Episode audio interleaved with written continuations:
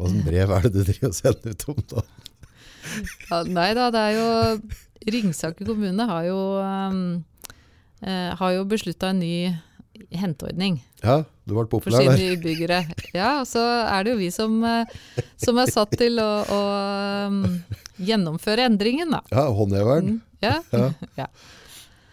Ja, Du ler, du. Ja, det, det er litt av et brev å signere. Det har jo poppa opp på Facebook. Sånne folk har dere tatt bilde av. Så der. Er hva har skjedd? Det kan jeg jo si at uh, det brevet vi sendte ut, da, Mm. uh, det sto jo ikke der at uh, det vedlegget var veiledende. Nei. Ikke sant? Så det er jo en av de tingene som vi oppdaga fort i dag når vi begynte å se litt på dette her igjen, at det hadde vært eh, bra hvis det hadde stått i det brevet at det faktisk eh, var veiledende. At det ikke er at vi kommer til nå å løpe rundt med målbånd, og at alle veier må være fire meter, og at uh, ja, snuplassen må være sånn og sånn. Altså, poenget er jo at hvis det går greit å kjøre på veien, og det går greit å snu, så kommer vi jo til å fortsette å kjøre.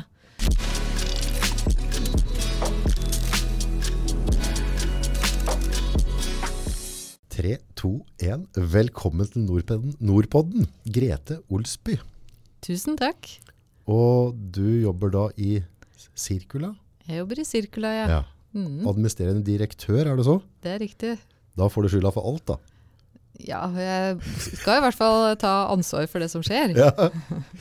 Det er ikke bare bare. Nei, det hører med til jobben. Det hører med til jobben. Ja. Lenge har du jobba med det? Du, jeg har vært i Sirkula i fire år omtrent. Det er jo så lenge Sirkula har eksistert. Ja. Men før det så var det jo Hias. ja. Uh, og til sammen så har jeg vært uh, 20 år i uh, det, de to selskapene, da. Ja. 20 år i avfallsbransjen blir det da. Ja, kan si jeg begynte jo innen økonomi, eh, eller på økonomisida da, i eh, Hias. Ok? Så ble jeg renovasjonssjef etter en del år, og så da selskapet ble eh, splitta, da, så ble jeg administrerende i sirkulet. Vil det da si at du er da utdanna som tallknekker? Jeg er utdanna økonom, ja. Økonom. Mm. Så har du jobba med type regnskap, eller hva, hva, var det, hva begynte det hele med? Det, jeg jobba mye med eh, økonomistyring og investeringsanalyse. Det er egentlig det som var det jeg utdanna meg til, da. Investeringsanalyse hørtes veldig tørt Ja. ut. Eller er det spennende? Nei, jeg syns det var spennende. For eksempel eh, eh, mange ganger eh, analysert når det lønner seg å skifte ut en bil, og det gjør det aldri. Du, du finner aldri sweet spoten der? Nei. Nei. Der har jeg faktisk prata med en som var, var sånn revisor og jobba for større selskap og drev kalkulerte ting. Mm. Og den tre liksom kom fram til en sånn derre Da la de inn alle faktorer, sånn trivselsfaktorer, vedlikehold, service, sånne ting. Mm. Og han prater som at uh, en type sånn en anleggsmaskin da. Mm. Hvis du hadde en sunn økonomi, så var det liksom tre år og to måneder. Så begynte liksom det regnskapet å, å lukte litt at det kan lønne seg å bytte ut. Da. Ja. Men da tror jeg de liksom putta inn sånn type sykefravær og alt. liksom sånn der, Det må nok til det, da, ja. ja. Mm. Så egentlig en bil lønner det seg å kjøre til den ikke går mer, sånn rent eh, økonomisk. Da. Rent det var eh, økonomisk. Konklusjonen på de analysene jeg har gjort på det, i hvert fall. ja, altså dem, på, dem som kjørte rundt med firmabil, var kjempeglad i det. da. Du, du, du kjørte den til å bli resirkulert, rett og slett? Ja, det var nok lenge før jeg begynte å interessere meg for uh, den type uh, bransje, men uh, mm. Men, åssen gikk veien videre da? Altså, du, du var på en måte drev med økonomi og tall, Mm. og, og nå driver du plutselig med å, å håndtere avfallet til, eh, til alle bebyggere rundt oss her. Ja, altså jeg jobba jo eh, Jeg tror jeg var eh, Skal jeg si at jeg var nesten ti år i administrasjon, da. Mhm. Hadde ansvar for administrasjon i HIAS. Og så mm, ble renovasjonssjefstillingen ledig, så hadde jeg lyst til å prøve meg på noe nytt. Så det var sånn jeg kom over på den sida, da. Ja. Og da Mm. bare åpna det seg opp en ny verden. Ja, på en måte så vil jeg jo si det. Altså Ja. fordi at uh, det er jo ofte snakk om uh, hvordan er det å jobbe i stab, og hvordan er det å jobbe i linje. Mm. Og det jeg jobba med før jeg ble renovasjonssjef da, i HIAS, det Mm. var jo stabfunksjoner. Mm. Uh, og etter at jeg begynte da i linje, så er jeg jo helt enig med de som sier at det er jo linja det skjer. Det er der det skjer. Ja. Ja, I hvert fall så er det det er veldig spennende da, å Mm. jobbe i linjefunksjon. Men altså, den, den stillinga du har nå, da, det, det som er litt fascinerende, altså i, i det han tar en sånn type stilling, mm. eh, så vil han seg sjøl litt vondt. da. Altså han, han, eh, det er veldig gøy og det er veldig utfordrende, men samtidig så, så i de utfordringene der så er det òg mye lange dager og mye ting han skal huske på. Hva er det som på en måte motiverer deg til å, å, å ta en sånn stilling? Jeg tror det som eh, driver, eller har drevet meg sånn at jeg har hatt lyst til å ta en sånn utfordring, da, det er jo eh, at jeg stadig eh, ønsker utvikling. Altså både at jeg gjør det sjøl også, men også i forhold til eh, at jeg ser muligheter der jeg er. Jeg har lyst til å være med å påvirke, få ting til å skje. Så, så det er nok det som er eh, drivkraften, da. Også at jeg ikke er redd for å ta det ansvaret da, som det er å ha en sånn stilling. Ja, for det, det, det er sånn der, i sånne type stillinger, da, så, uh, sånn som type jeg som driver for meg sjøl og på en måte har medlem i egen kake, da, Mm. eh, så kan jeg på en måte ha kanskje, hvis jeg gjør ting riktig og, og har riktig vind, så kan jeg på en måte ha en stor sånn økonomisk gevinst i andre enden, som kan være en motiverende faktor til å liksom gjøre de ekstra takene og ta den rolla. Mm. Men du må jo være litt sånn patriot da, når du gjør en sånn jobb som du gjør. Ja, der eh, drives jo mer av det å se muligheter og få til ting, Mhm. tenker jeg. Mm. Sortering. Mhm. Eh, Jeg hørte du prata litt der for et par uker siden, og Mhm. da skjønte jeg fort at uh, søppel er ikke søppel. Nei, det er, det er noen som sier at uh, det fins ikke søppel mer. Nei. Alt er uh, ressurser som skal tilbake i kretsløpet da, og være til nytte videre. Ja. På det nye anlegget deres nå så har dere på en måte virkelig gjort det ut i det ekstreme. Mm. Altså, dere, dere er jo veldig nyskapende på det dere driver med der, veldig flott anlegg, må jeg si. Mm. Hva er, hva er liksom, hva er visjonen? Så, ehm, du kan si at Visjonen til Sirkula som selskap er jo vi gir alt avfall ny verdi. Ja. Og det er jo enten så er det en økonomisk verdi, eller så er det en verdi for miljøet, eller helst begge deler. Ja. Um, og så uh, er det jo noe som heter avfallshierarki. Det vil si? Eh, det vil si at det er en uh, prioritering da, av hvordan avfall skal behandles. Mm. Eh, og i bunnen der så er det deponi. Det skal man unngå. Altså den gode gamle graveren, Ja. Og så er det energiutnyttelse. Det er det som går til forbrenning. Og sånn som her på Hamar, eller i regionen her, så blir det til fjernvarme. Ja. På, det er på Eidsiva der, på Ja. Veldig bra det òg. Eh, og så over der så kommer materialgjenvinning. Mm. Det betyr jo at eh, det er veldig mye av det vi driver med på gjenvinningsstasjonene. Mm. Altså du legger treverk i treverkskonteiner, at du legger metall i en metallkonteiner. Metallet går til, sånn som det er her nå, så går det til Stensli. Stensli sørger for at det blir brukt inn i nye produkter Ja. som det skal være metall i. Eh, og så over materialgjenvinningen så kommer eh, ombruk, eller det å hindre at avfall oppstår. ja. Mm. Og eh, målsettingene tidligere det har gått på at man skal ha mest mulig til gjenvinning, dvs. Si enten materialgjenvinning eller energiutnyttelse. Mhm. Mens nå løftes de målsettingene, og da snakker jeg sånn i europeisk sammenheng, som også blir nasjonal politikk. At det skal løftes til eh, ombruk, det at avfall ikke skal oppstå, og materialgjenvinning. Så det er det som er måla framover nå. Ja. Men da, da, da slåss vi mot noen store næringsgrupper. Altså, ne, altså dem som produserer nye ting, er jo veldig gira på at ting skal kastes, og så skal vi kjøpe nytt. Det er jo, altså, verden har jo gått dit hen, enn at en telefon skal liksom ikke fungere mer enn så og så mange år, og så skal vi bytte på en måte. Og, og vi forbrukere har blitt kanskje glad i å liksom skal ha siste, siste nytt. Da. Skal ikke ha gårsdagens uh, nyheter. Trender, ja. Ja, Trender. Altså, Mm.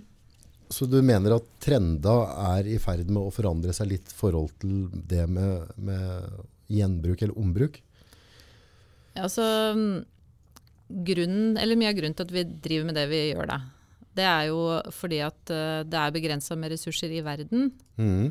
Så vi kan jo ikke fortsette å bruke eh, naturressursene da, eh, i det tempoet som vi gjør nå. Mm.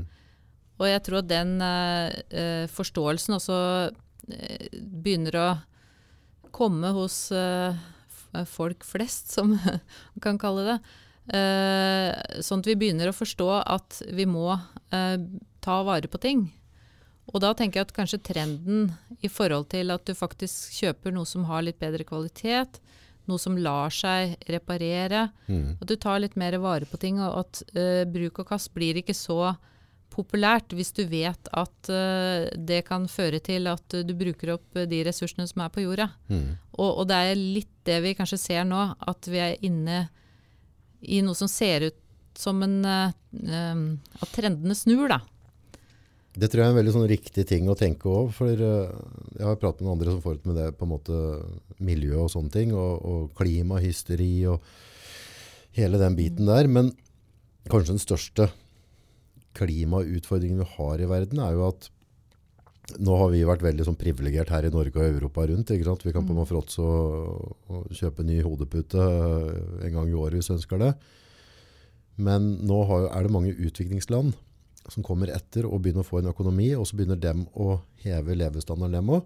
Og, Mm. og vi har et totalt energiforbruk. Om det er energiforbruk for å lage eksklusiv mat, eller om det er møbler, eller hva det er. Og ved et eller annet tidspunkt så kommer vi til å taxe over dette i jorda. Mm. Det, vi kan jo ikke. Det blir bare mer og mer mennesker. Mm. Det er begrensa mange, mange stoler vi kan uh, lage for å så kaste dem etter et år, på en måte. Mm. Så, så det er jo en spennende tanke å begynne der. Så når du begynte å spørre om det nye anlegget da, på Gårdåsholmen, mm. så er det på en måte det det eh, som er det nye på det anlegget, tar inn over seg. Mm. At, uh, at vi eh, tenker at det som kommer inn som avfall, da, som vi kan løfte helt øverst i, i, i uh, avfallshierarkiet, mm. eh, det skal vi prøve å få løfta. Sånn at enten at det går rett ut igjen til eh, bruk om igjen, mm. eller at det kan repareres, eller det kan pusses opp, eller, eh, eller noe sånt. Ja. Eh, og gå, eh, få et nytt liv igjen. Har staten vært på banen der og gjort noen skatteletter rundt det øh, faget der? Lagt litt til rette for at det skal lønne seg å, å bruke om igjen? Nei, du, det, Det er burde de jo gjort. Ja, nå ble jeg, kjenner jeg ble litt svar skyldig her. Ja, ja. Uh, uh, Nei, altså I sånne tilfeller, Mm. altså hvis du jobber ut imot det med å, å gjenvinne og, og skape miljø, mm, med tanke på at hvis du kjøper deg en Tesla, så slipper du masse avgifter. mm. Men et eller annet tidspunkt så burde det kanskje at det har vært en litt lette på arbeidsavgift eller et eller annet på Ja. dem som driver innen det faget. Da.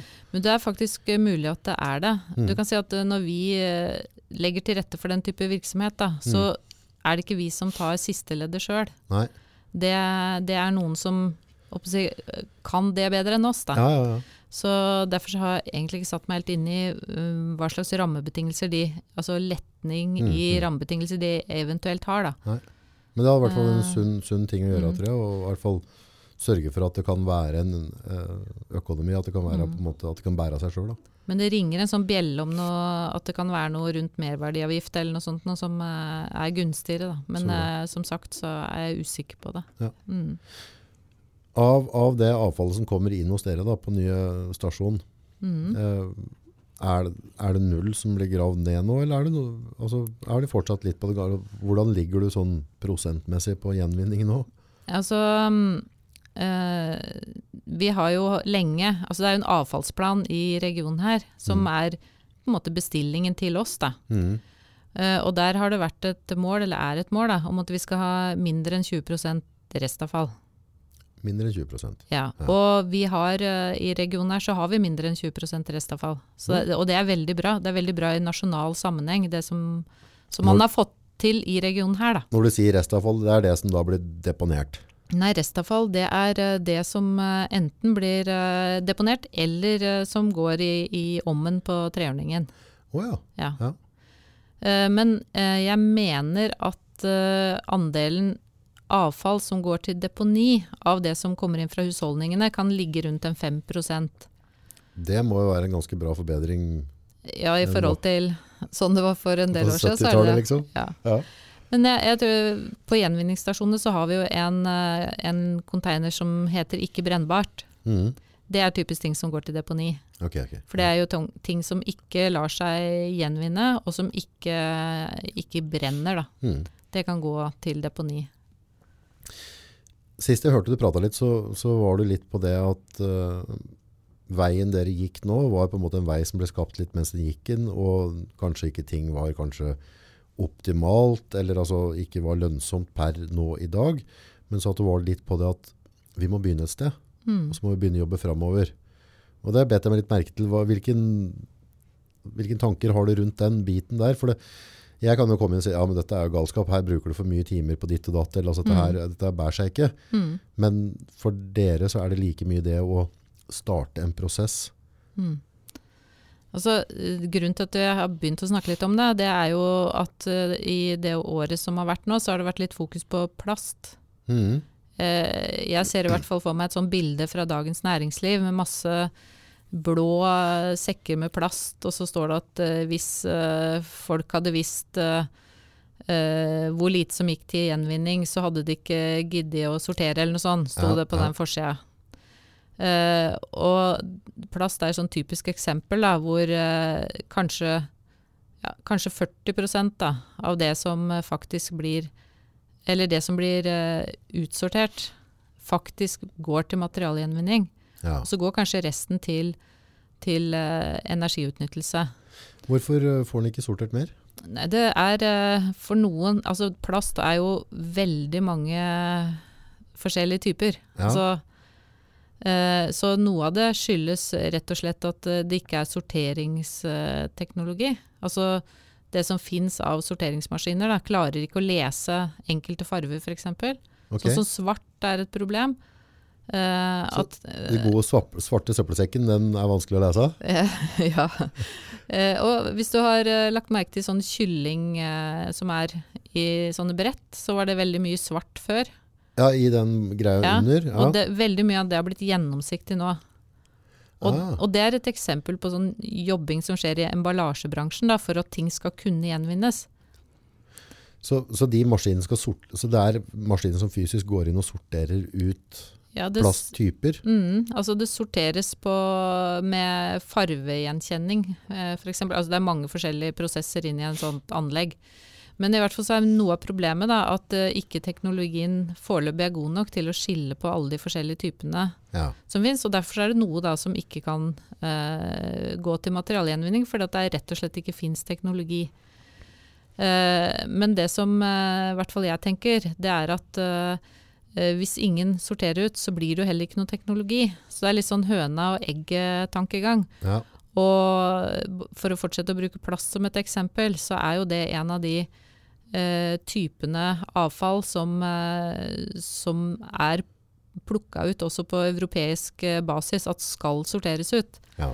Så, men det er i hvert fall den her med høna og egget. Altså, Du må begynne et sted. du, du må på en måte eh, tørre å eh, gjøre, eller i det tilfellet sortere ut plasten for at noen skal få noe plast å jobbe med for å kunne lage den teknologien som skal til. Mm. Så det var litt det jeg tenkte på Mm. den gangen. Mm.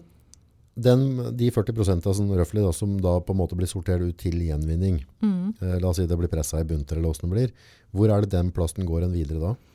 Eh, per nå så går det til Tyskland fra, fra oss, da. Ja, Og tidvis så går det til Sverige. Og dette her eh, det varierer litt, da. og da går det inn i fabrikker som da resirkulerer og bruker det til plast igjen? Ja, for der, der hørte jeg en sånn skrekkhistorie for noen år siden, at, Mm. at de samla plast der i Stavanger, og så eh, i området der, og så ble det bunta sammen, så ble det kjørt ned til Tyskland, og så ble det brent opp i en forbrenningsovn der. Mm. Ja, og det Jeg håper å si Om den historien er helt sann eller ikke, det vet ikke jeg. Nei, nei. Eh, men det er jo sannsynlig at en del av det ble brent, i hvert fall nettopp av de årsakene som jeg sa i stad. Ja, at det ikke var ferdig sortert, sånn at Ja. de kunne benytte det. Da. Ja. Så, men eh, det skal jo ikke det skal jo ikke gå rett til forbrenning så lenge man eh, tar det ut til materialgjenvinning. Så det er mer snakk om hvor stor andel av det som faktisk lar seg gjenvinne. Men i Norge så har vi ingen som driver med gjenvinning av plast ennå. Nei, men det er noen plastfabrikker på, på trappene nå, har jeg lest. Så Ja. det kommer nok. Ja, for det, det måtte vært kjempebra hvis vi kunne på en måte mm. fått den næringskilden her inn i Norge òg. At vi kunne på en måte gjenbruke det vi bruker sjøl her i Norge. da, Absolutt. Istedenfor å transportere lange Ja, ja. veier ut. Og, Mm. Men det er en, det er en uh, industri, sånn at uh, det skal store volumer til før du klarer å lage lønnsomhet. Mm. Men den, den her, eh, fra EU nå så er det jo en, noe som heter sirkulærøkonomipakke. Okay. Eh, det er eh, retningsgivende også for det som eh, den politikken som skal føres her i landet. Da. mm. Altså for, hvis du går ti år tilbake i tid, da, så drev vi med dette her pga. miljøet. Ja. Bare det. Mens nå er den sirkulære økonomipakka som er kommet fra EU, den er en blanding av økonomi og miljø. Ja. For det er også en tanke at uh, man kan skape arbeidsplasser i Europa. Altså man kan beholde, og så kan man beholde uh, de uh, kritiske råvarene da, som fins, f.eks. en mobiltelefon. Da. ja. Fordi at ofte så hvis du skal ha ut nye råvarer, så er de kanskje fra land som det kan være vanskelig å hente råvarer fra, eller det kan være manko. Så det å beholde de ressursene og så bygge industri i Europa basert på gjenvunne materialer, altså det er en uh, politikk da for Europa. Men det vil jo gjelde akkurat det samme her. Og jeg tenker at etter at det her har blitt uh, eh, ja, mer politikk, mer kjent prinsipper da, i næringslivet i, i Norge og andre land i Europa, så vil jo også det føre til tenker jeg, at flere vil ta tak i forskjellige forretningsideer som bygger på gjenvinning. Det har jo bevis igjen fra tidenes morgen. altså Hvis det på en måte kan være en lukrativitet rundt det, Ja. så blir jo oppfinnere. Altså, Mm. da, da kommer dem som kommer med idea. Ja, ja. Men da må du faktisk legge til rette for at det kan bli en økonomi rundt det. Ja. Så det er en ung bransje, det vi driver i, sånn sett. Selv om avfall er kjempegammelt, så er akkurat det med resirkulering og få tingene i, i kretsløp igjen, det er en ung bransje. Mm. Så det kommer til å skje veldig mye der. Og vi ser da at det kommer stadig nye eh, planer nå om eh, gjenvinningsindustri i Norge også. Men når du snakker avfall, nå, nå har jeg på en måte et forhold til avfallet her. Uh, her har vi ganske lite, faktisk. Men um, hjemme også, så ser jeg at det blir litt i løpet av ei uke. Mhm. Men har du en måte å, å forklare meg på hvor mye avfall er det vi, vi, vi vipper tur oss? Altså, Mhm. hvor mye avfall må dere håndtere i året? Hvor, Altså i Sirkula, da, mm. som uh, betjener Hamar, Løten, Ringsaker og Stange, ja, så har vi ca. 50 000 tonn med avfall fra husholdninger på et år. 50 000 tonn, ja. Og Ja. En lastbil jeg vet ikke, Disse kjører kanskje ikke så mange tonn, for det blir jo ikke så massivt. De får pressa det, men eh, det blir ganske mange lastebilturer. Det blir mange lastebilturer, ja. Det Ja. gjør det. Mm. 50. Eh, Ja, det blir mye, det er Ja, mye kubikk. så jeg tror hver innbygger i Norge i 2018 da, Mm. hadde tror jeg, rundt 530 kilo med avfall per person. Per person? Ja. Oi, så ikke per familie. Nei. Da begynner det å bli ganske mye søppel i løpet av et år. Det er ganske mye. Ja. Mm. Så hvis en får liksom sortert det litt ut og, og gravd ned litt mindre, så, så må du gjøre man på dynga. Ja da, vi graver jo ned veldig lite da. Ja. Eh, Du kan si at eh, vi, det vi har mest på deponi nå, for vi har jo også deponi, det Mm. er jo eh, type forurensa masser og sånn fra byggevirksomhet. Ja, ja. Fra leilighetsbygg, og så plutselig så Ja, er det en gammel bensestasjon der. der, Mm, eller et eller annet. Også. Ja. Så det, det er mer eh, på deponi da. Mm. Ja, for der har det blitt en kjempeforskjell fra jeg var yngre i forhold til det når du skvetter på diesel på gravemaskin og sånne ting. Mm. Her, altså, du får jo nesten nakkeskudd på anlegget nå hvis du ikke Du må jo ha sånn flis. Du Mm. må være klar. Altså, det er blitt mye, mye strengere. Før så var det liksom bytte olje på lastebiler, så lå de bare ut på grusen og skrudde de, og så hadde de en sånn skål under litt sånn. Så var det litt greit å ha litt olje der, for da støva det ikke så fælt. ikke sant? Mm. Men det er jo ikke akseptabelt i det hele tatt mer. Nei, og det er jo Du kan bli anmeldt for det, kan du ikke? Jo, jo, absolutt. Det er jo ulovlig, det er jo miljøkriminalitet. Mm. Så, og det er jo den andre siden av det vi driver med, da, for å si det på den måten. Eh, det med å gjenvinne, det er jo fanesak, kan du si. Men eh, det er jo også veldig viktig at vi tar ut det som faktisk er definert som farlig avfall. Ja. Og det skal jo ikke fortsette i kretsløpet. Nei, det skal du få kontroll på. Ja, det skal ut, og det blir jo veldig ofte destruert Mm. Vi må jo innom nå når vi først er her i dag. Var, vi prata sammen her to-tre uker siden, Ja. og, så, og så hadde vi en pod-date. Mm. Og så i mellomtida så har du stelt i stand litt, da. Hva slags brev er det du driver og sender ut om da? Ja, nei da, det er jo Ringsaker kommune har jo, um, eh, har jo beslutta en ny henteordning Ja, du ble for populær sine der. innbyggere. Ja, og så er det jo vi som, eh, som er satt til å, å um, gjennomføre endringen, da. Ja, håndheveren. Mm. Ja. Ja. ja. Du ler, du. Ja, det er litt av et brev å signere. Det har jo poppa opp på Facebook. Sånne folk har dere tatt bilde av. Så der. Er jo, hva har skjedd? Nei, altså um, eh, Som sagt da, så har Ringsaker kommune de har eh, vedtatt en ny eh, henteordning. Og det går på at eh, henteavstanden skal være tre meter fra kjørbar vei istedenfor 30 meter som det har vært tidligere. Ja, Og det er det samme som de andre kommunene i eh, regionen her har, da. ok. Ja, så tremeteren er den vanlige. Tremeteren er vanlig, ja. Ja. Og så eh, Fra kjørbar vei, så da, men hvordan regnes dette hvis jeg har en gardsplass som er diger og kjørbar, altså,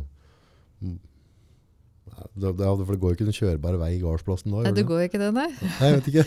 Nei, men altså, du kan se i utgangspunktet så har vi jo renovasjonsbiler. Mm. Uh, de uh, skal st stopper et eller annet sted, Ja, og det er tre meter fra der den bilen stopper. ja. Så hvis du har en, uh, en vei til huset ditt mm. med god nok standard, mm. og at renovasjonsbilen kan få snudd på gårdsplassen din, ja. Så kan jo da beholderen stå tre meter fra der bilen stopper. Ok, okay. så, så på en Ja. måte hvis jeg har en vei som går sånn, da, så har jeg en diger gardsplass, så, så kan den svinge inn på snu, Ja, det kan og så plukke opp det som står Ja. da langs med låveveggen. Da. Ja. Men, øhm, men da, da er det jo den der standarden på veien folk ikke var helt enig i. da. Ja, altså det Det kan jeg jo si at eh, det brevet vi sendte ut, da Mm. eh, Det sto jo ikke der at uh, det vedlegget var veiledende. Nei. Ikke sant? Så eh, det er jo en av de tingene som vi oppdaga fort i dag når vi begynte å se litt på dette her igjen. At eh, det hadde vært eh, bra hvis det hadde stått i det brevet at det faktisk eh, var veiledende. At det ikke er at vi kommer til nå å løpe rundt med målbånd, og at alle veier må være fire meter, og at eh, snuplassen må være sånn og sånn. Altså, poenget er jo at hvis det går greit å kjøre på veien, og det går greit å snu, så kommer vi jo til å fortsette å kjøre. Så det er jo de stedene primært hvor vi stadig har problemer fordi at vi ikke kommer fram, eller fordi at vi kanskje kjører borti ting for det er for trangt å snu og sånn. Det er jo de stedene vi må øh, gjøre noe med. Ja. Mm. Så, så det, jeg er egentlig ute etter er på en måte hvis, eh, hvis det er en krøttersti, og det er liksom fare for at jeg ikke ramponerer tu- på ting på tur inn, Mm. så ønsker de ikke å ha det ansvaret. Da må det legges til rette sånn at du kan en normal lastbilkusk klare å kjøre inn og ut igjen Ja, du kan si at det, uten å hvelve. Da. Ja, ja, men det handler jo om sikkerhet. Altså, ja. Nå er det jo sånn at hvis du har eh, førerkort for å kjøre en eh, renovasjonsbil, Ja, og andre typer store kjøretøy, da, ja. så har du også ansvar, ansvar for sikkerheten. Mm. Og det betyr at uh, hvis en vei eh, ikke hvis du, hvis du sier at den veien her, den er ikke bra nok til å kjøre på, så er det en plikt du har som uh, sjåfør, da, til å tenke på sikkerhet. Mm. Så de reglene som uh, står på den, det vedlegget, da, Mm. det er jo regler som er satt opp for å ivareta sikkerheten, da, enten om det er for sjåføren eller om det er for, for folk eh, som ferdes eh, i nærheten. Eh, og vi, unngå, vi, vi skal jo unngå å kjøre av veien og osv. osv. Så Men, det er, men det er ikke et sånn type frikort for at de ikke gidder å legge kjetting når det er glatt? på en måte? Nei, altså det De skal legge kjetting eh, når det er glatt, ja. Ja.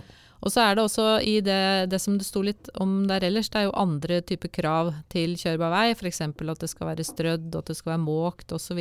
Mm. Men det er ikke noe nytt. Altså Det står jo i renovasjonsforskriften fra før. Ja. Eh, og det er jo sånn at eh, snør det, så, så må du på en måte gjøre det tilgjengelig, da. Altså beholderne tilgjengelig, og, og uten eh, fare for liv og helse for eh, renovatøren Ja. som kommer på besøk. Ja.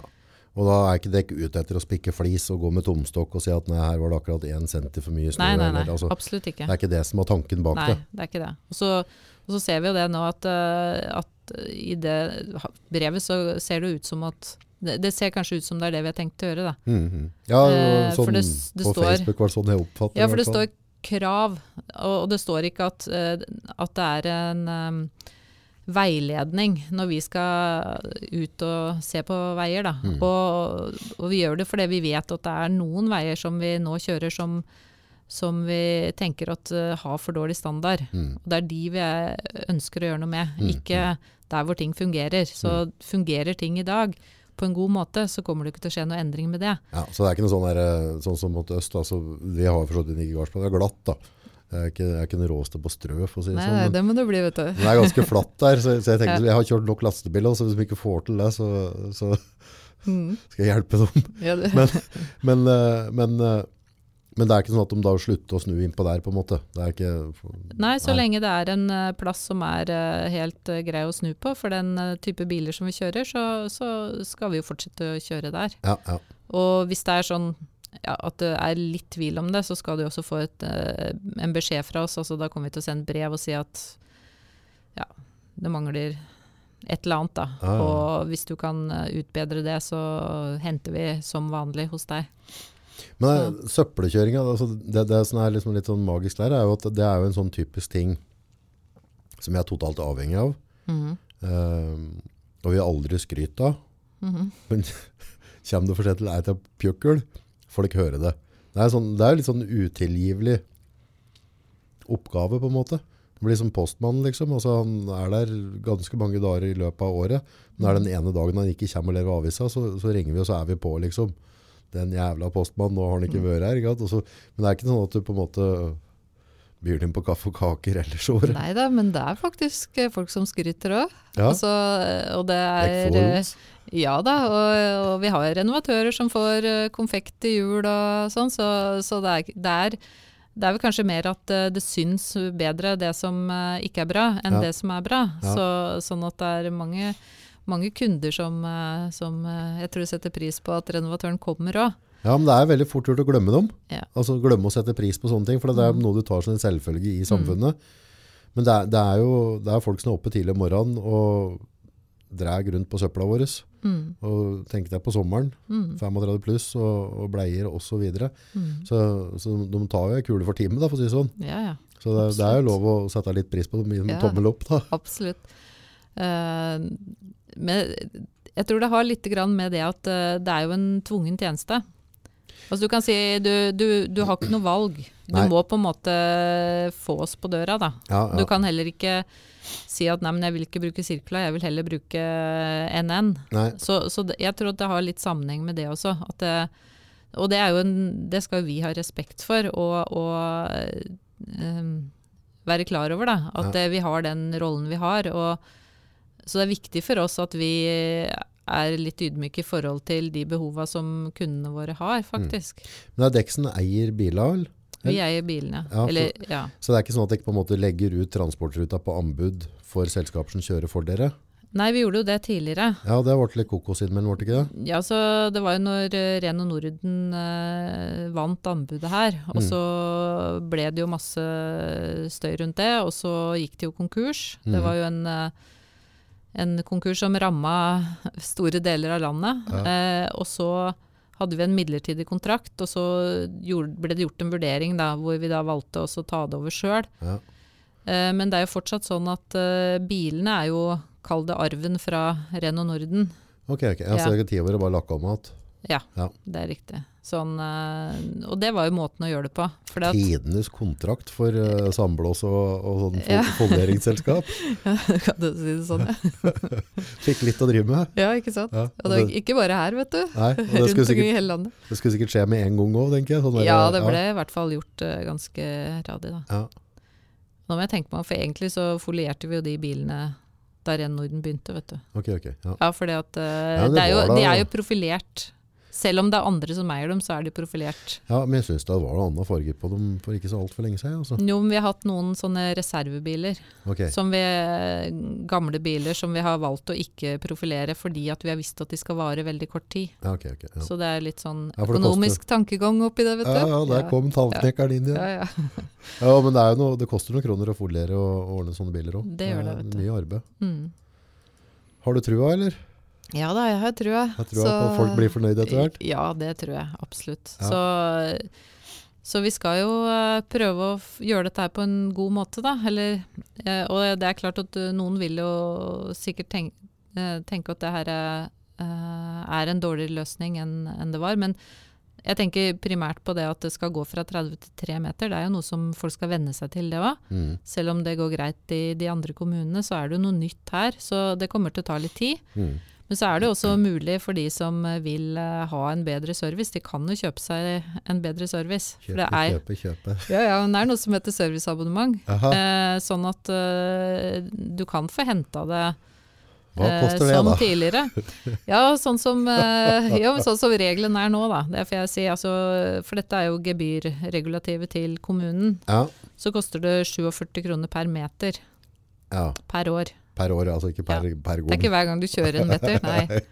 Så ja, så det er det. Så du kan si at det har gått fra å være et spleiselag da, til at uh, standardløsningen er tre meter. Og så hvis du vil ha mer, mer enn det, så må du betale sjøl.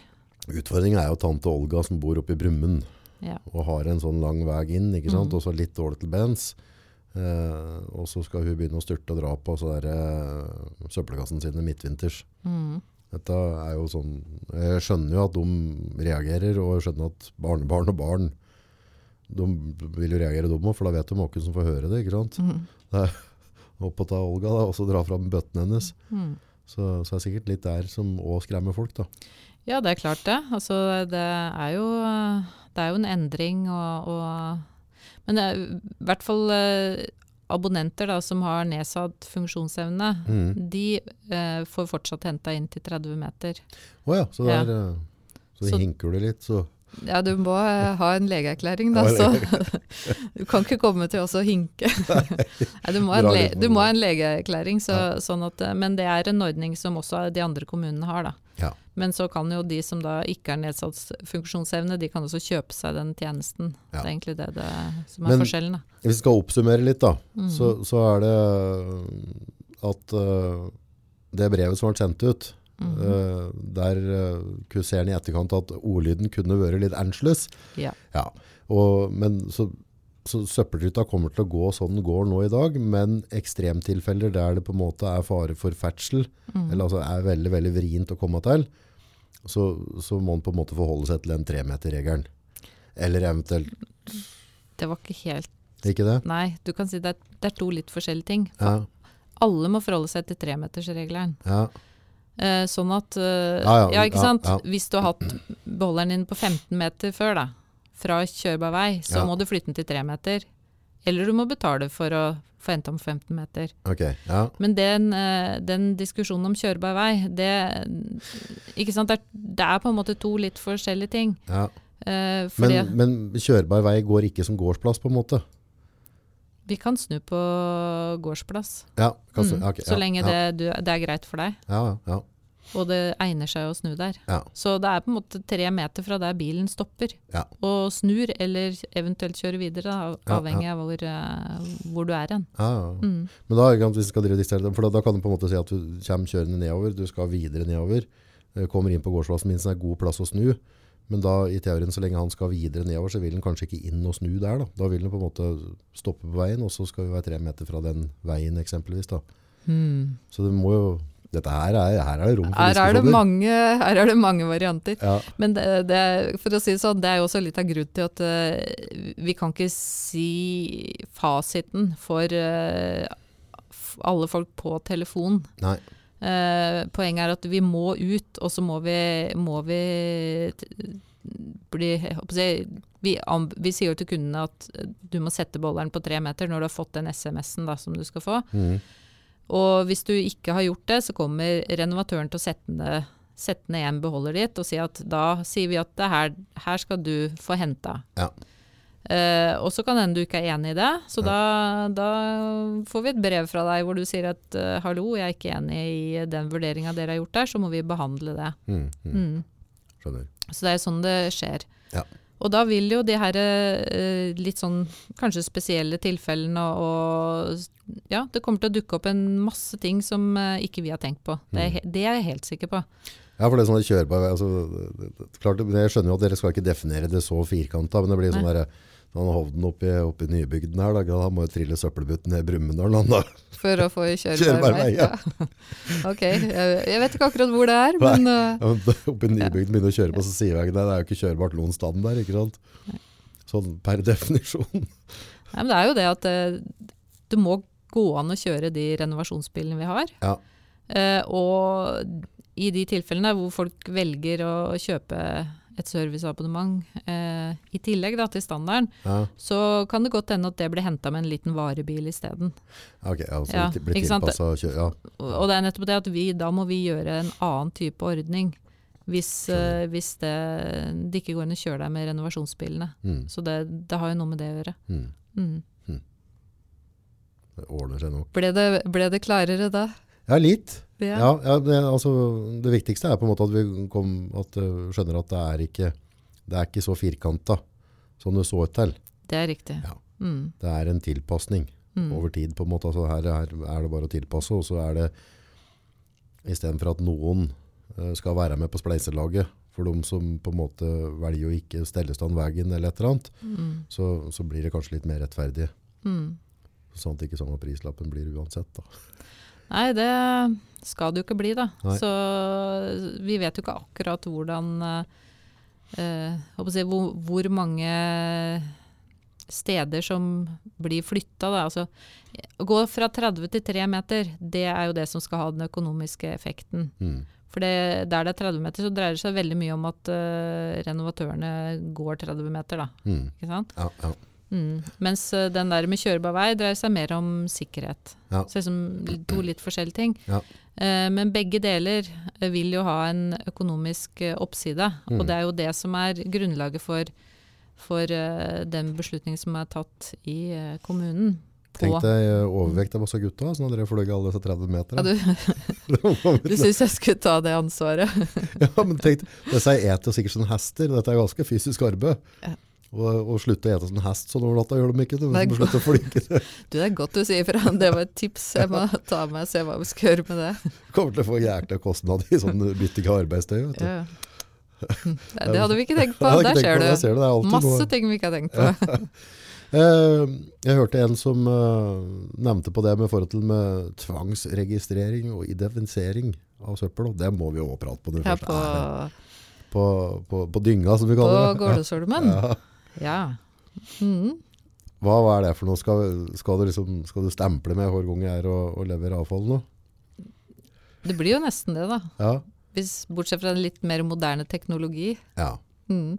Nei, men, eh, men det er på Gårdesholmen nå. Der innfører vi adgangskontroll. Ja. Eh, Forhåpentligvis fra 2. mars. Det er det vi har sagt. Ja. Så hvis vi er er sikre nok på at eh, alt fungerer som det skal. Hvis ikke blir jo bommene bare stå oppe, stå oppe, så det er ikke noe Det vil ikke medføre noe problemer for folk hvis det vi ikke er helt i mål den 2. mars, da. Nei, nei. Men hva er poenget med det? Nei, altså Det er to hovedgrunner. Eh, og det ene er eh, at um, eh, vi vil vite at de som får bruke stasjonen, mm. sånn som du får, da, altså Ja. hvor du eh, bare betaler for restavfallet, Ja. at de faktisk har betalt renovasjonsgebyr. Ja. Ikke at du har betalt det, men at du er abonnent. da. Ja. Så det er en kobling der mellom eh, det adgangskontrollsystemet og abonnementsregisteret. Ja, at det vi- da ikke er et digert snekkerfirma. Ja, også, for det er de som skal betale en annen pris. Det er enten næring mm. eh, eller eh, folk som kommer fra andre kommuner. ja. Eh, og da vil vi jo kunne identifisere da, mm. hvem som skal betale en annen pris. Mm. Så du slipper å være med å betale for dem. Ja. Eh, så det er den umiddelbare effekten av å innføre det. Og den andre tingen det er at eh, vi har jo veldig lyst til å teste ut om vi kan ha åpent eh, med veldig lite bemanning eller ingen bemanning. Vi ser Snakker det. vi åpent 24-7, eller? Jeg vet, vi har ikke akkurat diskutert det ennå, men, men eh, jeg vet jo sånn som i, i Danmark, så er jo alle mulige gjenvinningsstasjoner f.eks. åpne på søndager. Mhm. Eh, og vi tenker også kanskje vi skal være, kunne komme, eller åpne klokka sju om morgenen, så, eh, mens betjeningen kommer klokka ni. ikke sant? Mm. Mhm. Så, men da er vi jo nødt til å ha et eh, system som identifiserer hvem som er der. Mhm. Eh, så det er de to hovedgrunnene til at vi gjør det, da. Så visjonen er da at du skal ha eh, et bedre tilbud i åpningstidene. Mm. Ikke for at du skal liksom finne ut Åkensen haug søpla der og Åkensen haug der. Nei da. Og så kan du se Sånn som det er på gjenvinningsstasjonene i dag, så hvis du eh, leverer restavfall og betaler med kort, så, så har du en registrering der. Ja. Akkurat som alle andre steder du betaler. Ja. Det som vil være i tillegg her, det er at, eh, at du, du registrerer deg jo inn på stasjonen. Så det betyr at man kan jo eh, Nå har vi sagt at vi sletter de opplysningene hvert nyttår, men Mhm. man kan jo da på en måte vite eh, at man har vært der, da. Ja. Men du, det er jo ikke noen eh, registrering på hva som blir levert. Nei, nei. Så det er ikke noe kobling på det. Det er eh, at du har passert porten inn, er egentlig Ja. endringen, da. Hva er det som eh, rører seg i avfallsbransjen om dagen? Hva er siste nytt, og, og hva skjer? Hva kan vi forvente oss? Uh, mer eh, fokus på ombruk. Ja, Mm. Der har du jo butikker nå på, Ja. på nye stasjonen deres. Mm. Mange butikker ble det? Det er fem som skal åpne 18. april. Ja, Og det er det det er plass til, da. det er det det er plass Ja. til. Mhm. Og da driver de og rett og slett pluk plukker i, i skattene, pusser opp igjen og setter i stand og videreselger. Ja, sånn kort fortalt er det det de gjør. Ja. Og så kan de i tillegg, eh, så vidt jeg har eh, fått høre, så kommer de også til å kunne tilby tjenester. Da. Altså, for eksempel så er det en som kan reparere gressklippere der. Ah. Og, og han vil også kunne ta imot gressklippere som skal repareres. Da. Og det er jo også noen som skal drive med oppussing av møbler og litt sånn litt elektronikk og sånn forskjellig. Så, så i hvert fall det de har sagt eh, så langt, da, det er at det, de etter hvert også vil åpne for å kunne ta imot det. Og det er jo kjempebra. Det er genialt. Du må ha jo delelager ut av noen av verden og skal reparere gamle ting. Ja, vi får se da. Nei, men i hvert fall så er det jo veldig positivt. Så, mm. Men i hvert fall ombruk, det er én ting. Mm. Eh, mer avfall blir klassifisert som farlig avfall. Ok, så blir omklassifisering der. Ja, det Hva kan er det som er typisk med. farlig nå? Ja, det vet jeg faktisk ikke hva det neste Neste som kommer blir. Men, eh, men det er stadig ting man finner ut at det har litt miljøgifter i seg på en eller annen måte. Mm. Det er akkurat som jeg på si, Den gang sånn PCB kom, så trodde man vel at det var et fantastisk eh, stoff, og så fant man ut etter hvert at det var det jo ikke i det hele tatt. Og det vil vel være noen sånne tilfeller nå, selv om man har blitt flinkere til at man tenker at da har vi lagd et kjempebra produkt, og så viser det seg etter hvert at uh, avfallsbiten av det var ikke så bra. Så bra som vi hadde Ja, regnet med det. så, sånn at uh, det er en uh, trend som kommer. Tenker at det blir mer industri altså rundt det. Mer profesjonalisering av mm. hele bransjen. Dette har jeg litt sansen for. At du på en måte Ja. ser om du klarer å få en økonomi av avfallet. mm, Det er litt spennende. Ja, og det Hvis det går som alle sier, så blir det jo mangel på ressurser i verden. Og da vil jo også de ressursene som kommer ut fra avfallet, få en positiv verdi. Så klart. Ja. Ja. For det, det følger jo det. Ja, ja, ja. Så, men det skjer jo fryktelig mye spennende på den uh, ombruk- og reparasjonfronten. Altså, Én ting er jo det vi uh, driver med, men Mm. uh, tenk på sånn, denne appen som heter Good to go, f.eks. Ja, Som er eh, mat, ikke kast mat. Har du prøvd den? Jeg har prøvd den, ja. Ja. ja. Jeg var innom en kunde, og så hadde de noen sånne fine matpakker. Så liksom Ja. maken til jålete folk, tenkte jeg. Ja, ja, ja. Var det 30 kroner de betalte eller noe per pose? Mm. Det var ganske genialt. Ja, så det, det popper opp veldig mye sånt. Eh, kjolebytte, utleie av klær, f.eks. Eh, ja, det, det er jo, nå husker ikke jeg navnet på det, men det er jo noen nå som eh, hvor du kan leie ut ballkjolen din, f.eks. Altså din private ballkjole. da. Mm. Så det, det skjer veldig mye sånn Det er vel den delingsøkonomien, da. Så Mm. du, at det blir mer deling av ting og mm. Ja, tenk på å leie en dress. Det er jo, altså, Det er de gangene du går i begravelse skal finne dress, og så passer den aldri igjen, for det, vekta er jo opp og ned og att og fram. ikke sant? Jo, jo. Så går du og kjøper deg en ny dress, og så henger den i skapet til neste gang det er Mhm. noen som, som skal eh, gravlegges. da. Nei, så det er uh, mye sånn, og nullutslippskjøretøy og Har du gjort deg noen tanker rundt batteribiler du, eller? om det er uh, smart eller ikke. Ja, Nei, jeg har ikke det. har ikke det? Nei.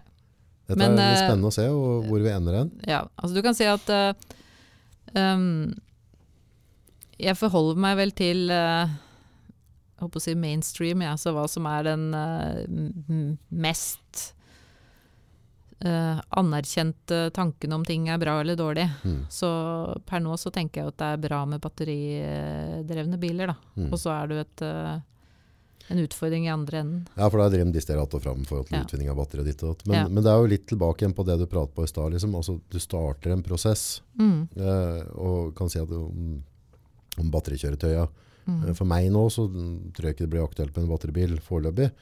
Men, eh, men jeg ser jo at det utvikler seg.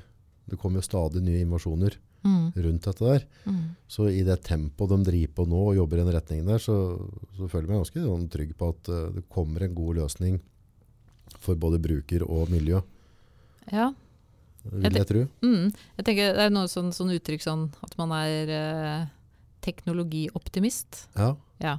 Og det, jeg tenker at det er litt det. At uh, eh, mye Det blir uh, utvikla teknologi, det blir innovasjoner uh, når det er utfordringer. Ja. Eh, Og ikke minst økonomisk ja. mulighet til å, å ha noe økonomisk vinst i det. For da trekker du også til deg de der glupinga Mm. som, som faktisk gidder å bruke tusenvis av timer på å skape noe nytt. Mm.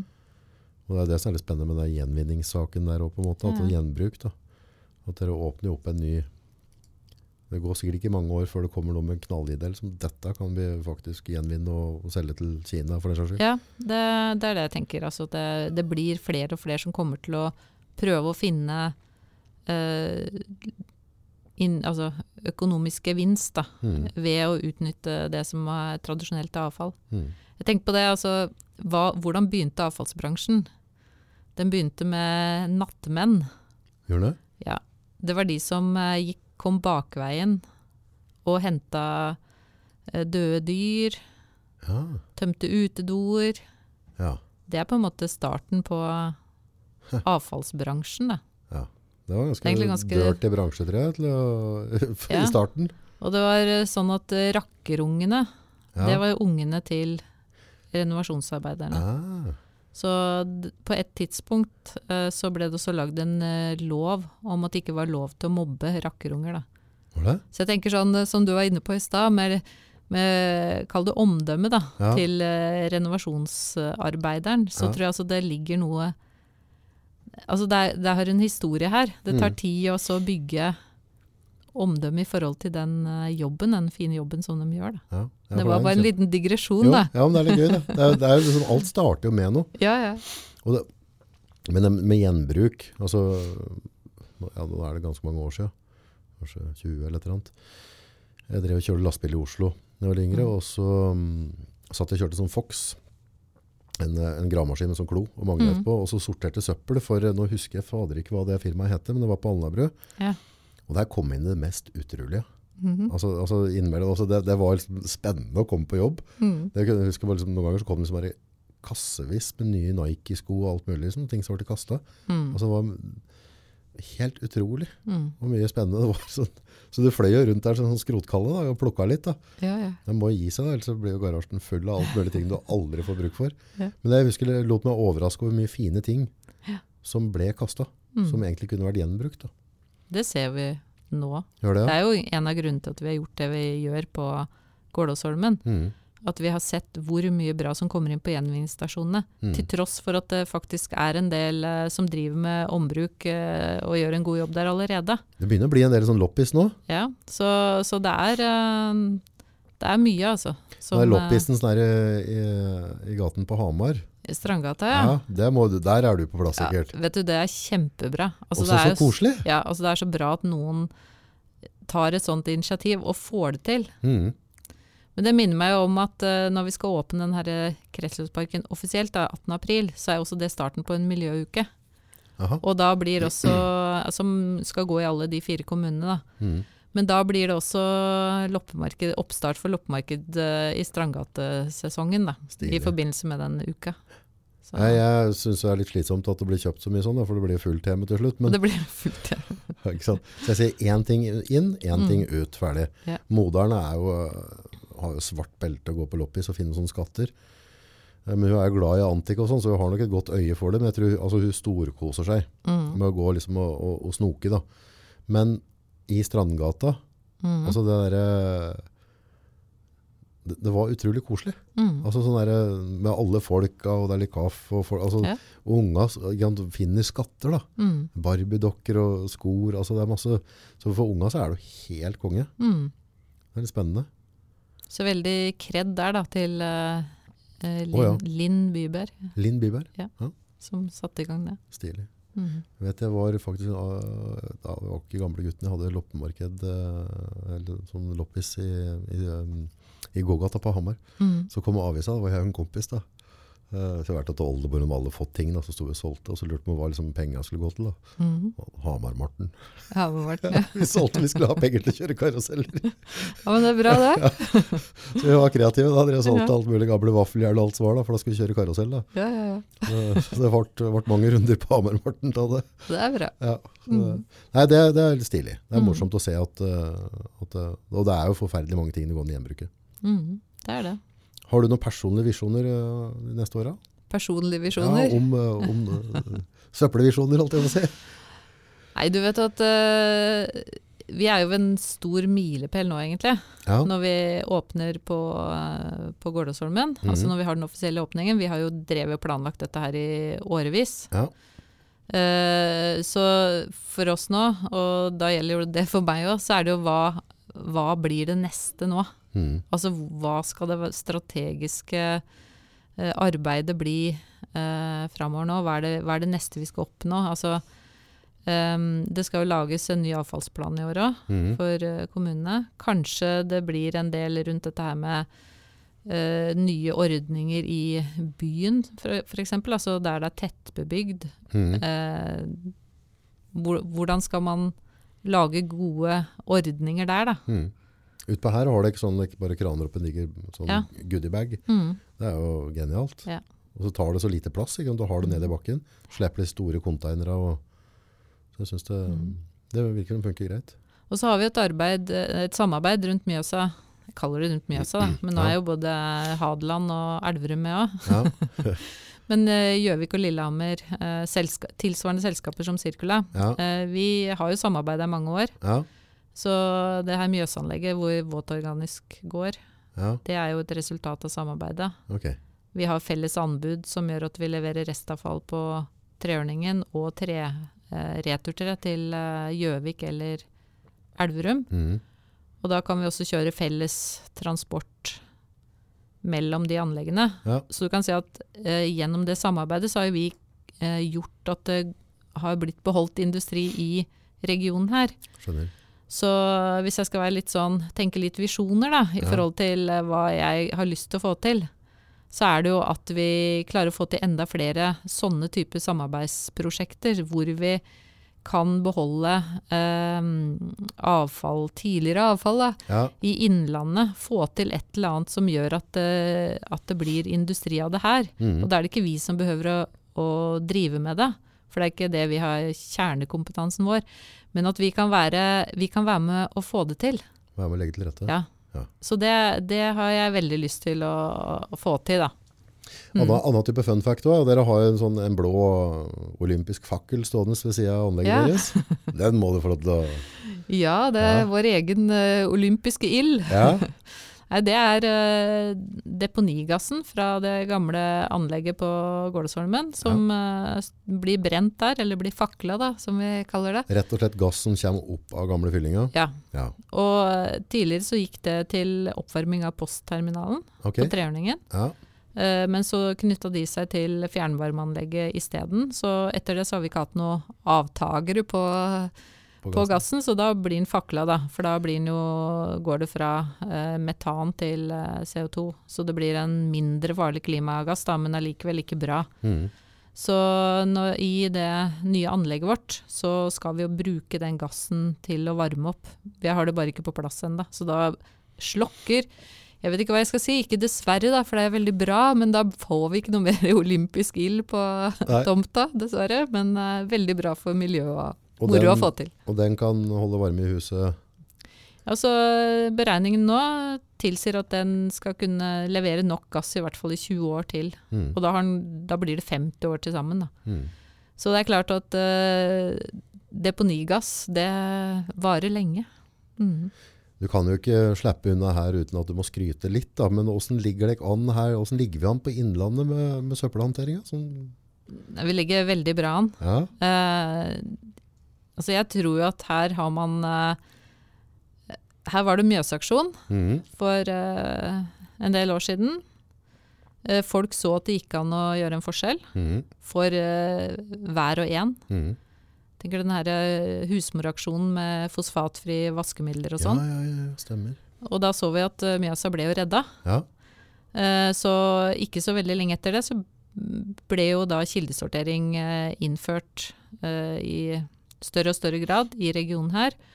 Eh, Veldig tidlig ute i norsk sammenheng. Mm. Og senest i 2016 så hadde vi jo best materialgjenvinningsgrad i Norge. I, eh, Det er kult. og det er, jo, det er jo innbyggerne her da, som Ja. sørger for at vi får sånne gode resultater. Og det er veldig gøy, og det blir lagt merke til uh, i, ellers i landet. At vi er veldig gode her på, på Hedmarken, Så vi er litt sånn frontfigurer innen uh, Ja, vi er det. Mm. Og det, ja, og det ser vi også nå med det nye anlegget, hvor vi da også lager en kombinasjon med ombruk for å vise hele runden.